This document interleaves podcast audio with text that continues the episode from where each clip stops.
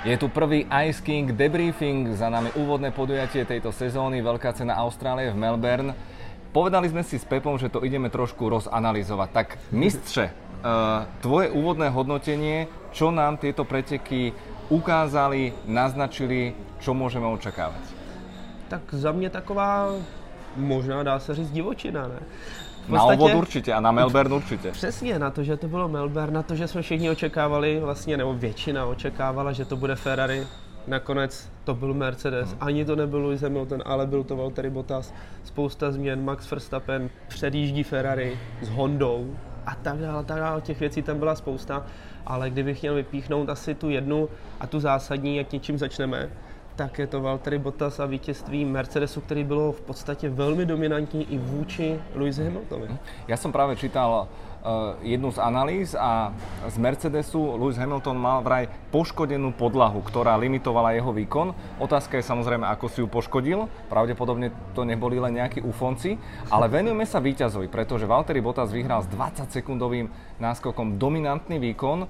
Ozývajú sa hlasy, že to dal vlastne na Rosberga po, po debakli, ktorý zinkasoval v minulej sezóne, sa otriasol, prešiel evidentne značnou mentálnou prípravou a v tej vysielačke po víťazstve adresoval všetkým neprajníkom úplne evidentne, že úplne, že, že nahluváta. Myslím si, že s Valterim asi musíme rátať. Vypadá to tak. Já co zase mám pořád ještě ten pocit a vyzařovalo to podle mě z Valtteriho se bylo, on tam stál, měl strašnou radost, ale ani to vlastně nechtěl dát najevo. A, a nevěděl to opísat ani. Přesně, ale z toho důvodu spíš, že on by podle mě to chtěl projevit, jenomže on je v pozici, že teď to projeví a najednou přijde další závod a může to být zase hrozný zklamání. Teď je potřeba, a to není, že bych byl nějaký nenažraný, ale aby tam padlo to druhé vítězství, mm-hmm. který najednou by ho drželo na té správné vlně a dokázalo by ho tam vlastně udržet i mentálně, což je pro něj hodně zásadní.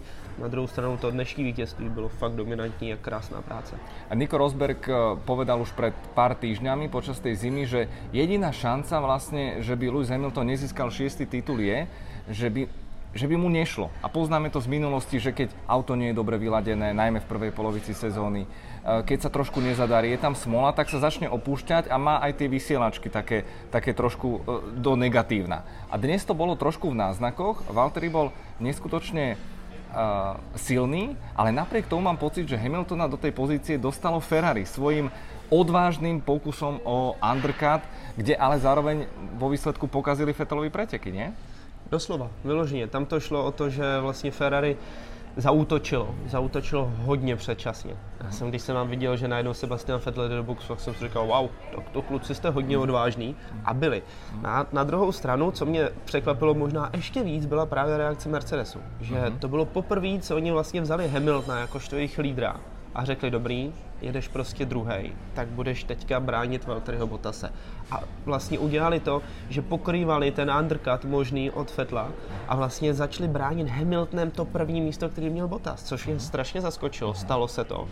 Ale na druhou stranu, když se podíváme vlastně na ten výsledek, tak zklamání u Ferrari nejenom strategický, ale vlastně ani to auto to nedotáhlo tam, kam mělo, protože vlastně stejná strategie Hamilton. Byly téměř za sebou a nakonec ten rozdíl tam byl obrovský, takže prostě Mercedes potvrdil to, že ta, že ta forma toho auta možná ne ještě zatím Hamiltona, ale toho auta je opravdu hodně vysoko. Uh-huh. A vo Ferrari priznali, Mattia Binotto povedal, že on bol ten, ktorý povedal, že Charles Leclerc nemá útočiť nakoniec na Sebastiana Fetela.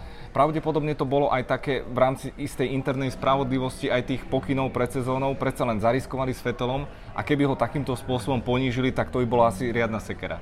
Každopádně mě trošku zamrzelo, že mu nedali možnost toho nejrychlejšího kola.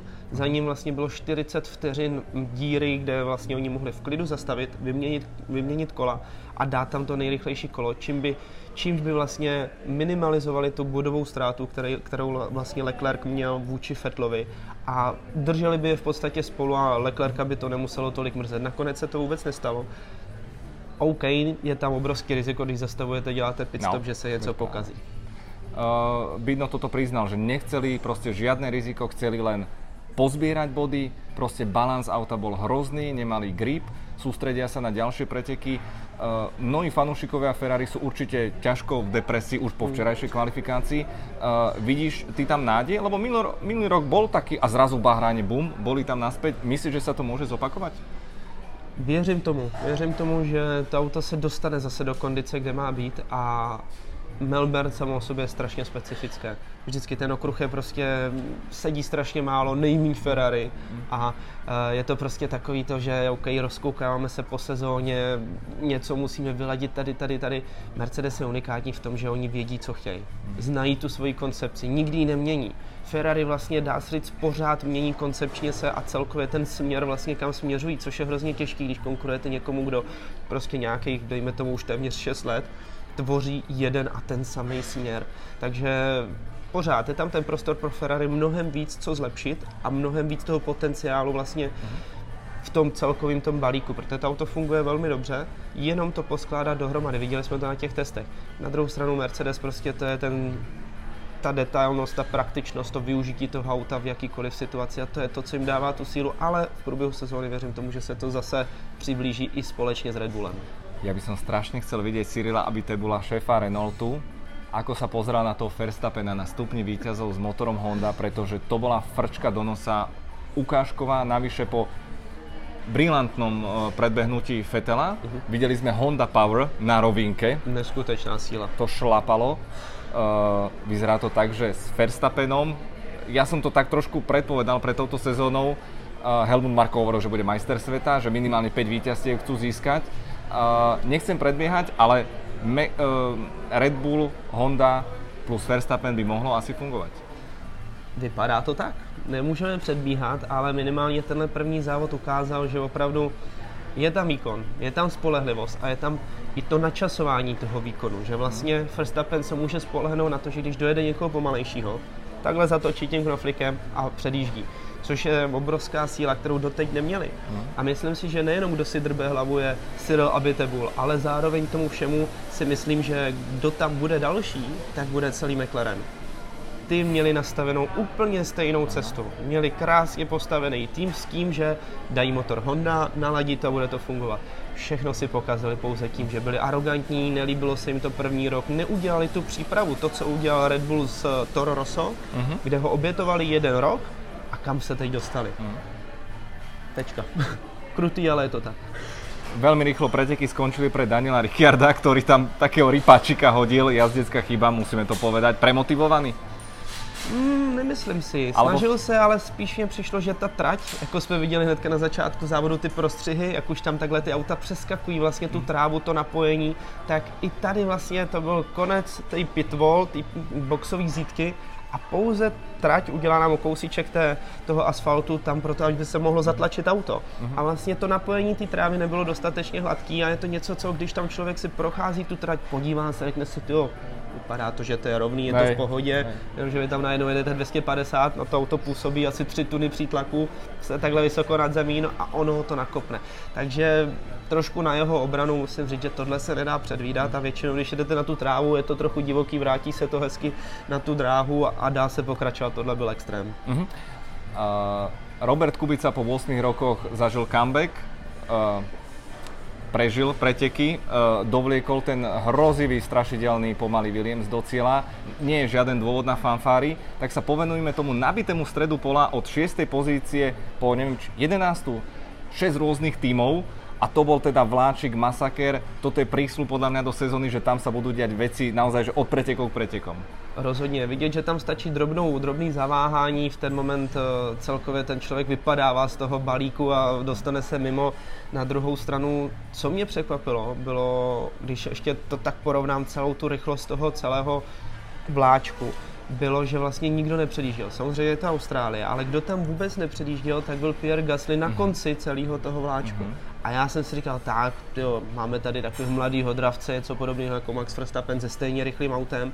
A on tam za nima zůstal celý ten závod, před ním byly auta, který každý dělo o více vteřinu a půl pomalej než on on s tím nedokázal vůbec nic udělat. Ale on sa podľa mňa aj trošku bál. V tých testoch to dvakrát rozmlátil a keď nemáš sebavedomie, tak hm, asi to nefíče. Každopádně, akorát problém je, že tam je Helmut Marko s tím, když nemá někdo no. sebevědomí, nevystupuje rázně, neřekne, hele dobrý, ne, udělal jsem to proto, proto, proto, tak nad váma Helmut Marko zlomí hůl hmm. a můžete hodně rychle u těch hmm. plechovek skončit.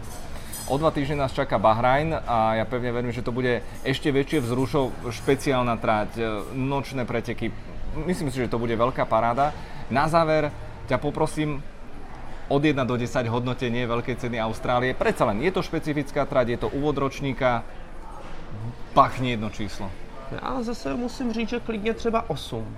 A ani ne z toho důvodu, protože spousta lidí tam vyhledává to, jak se předjíždí, takový ty mm-hmm. souboje. Těch tam bylo málo, dá se říct, že jediný, který se dá vypíchnout, tak je pravděpodobně asi Verstappen versus Vettel. Ještě Joinaci se tam dobře bránil jinak. Mm, tak ten se spíš bránil, že by útočil, byl takový, ano, ale... takový hadí styl měl teda uklouzaný.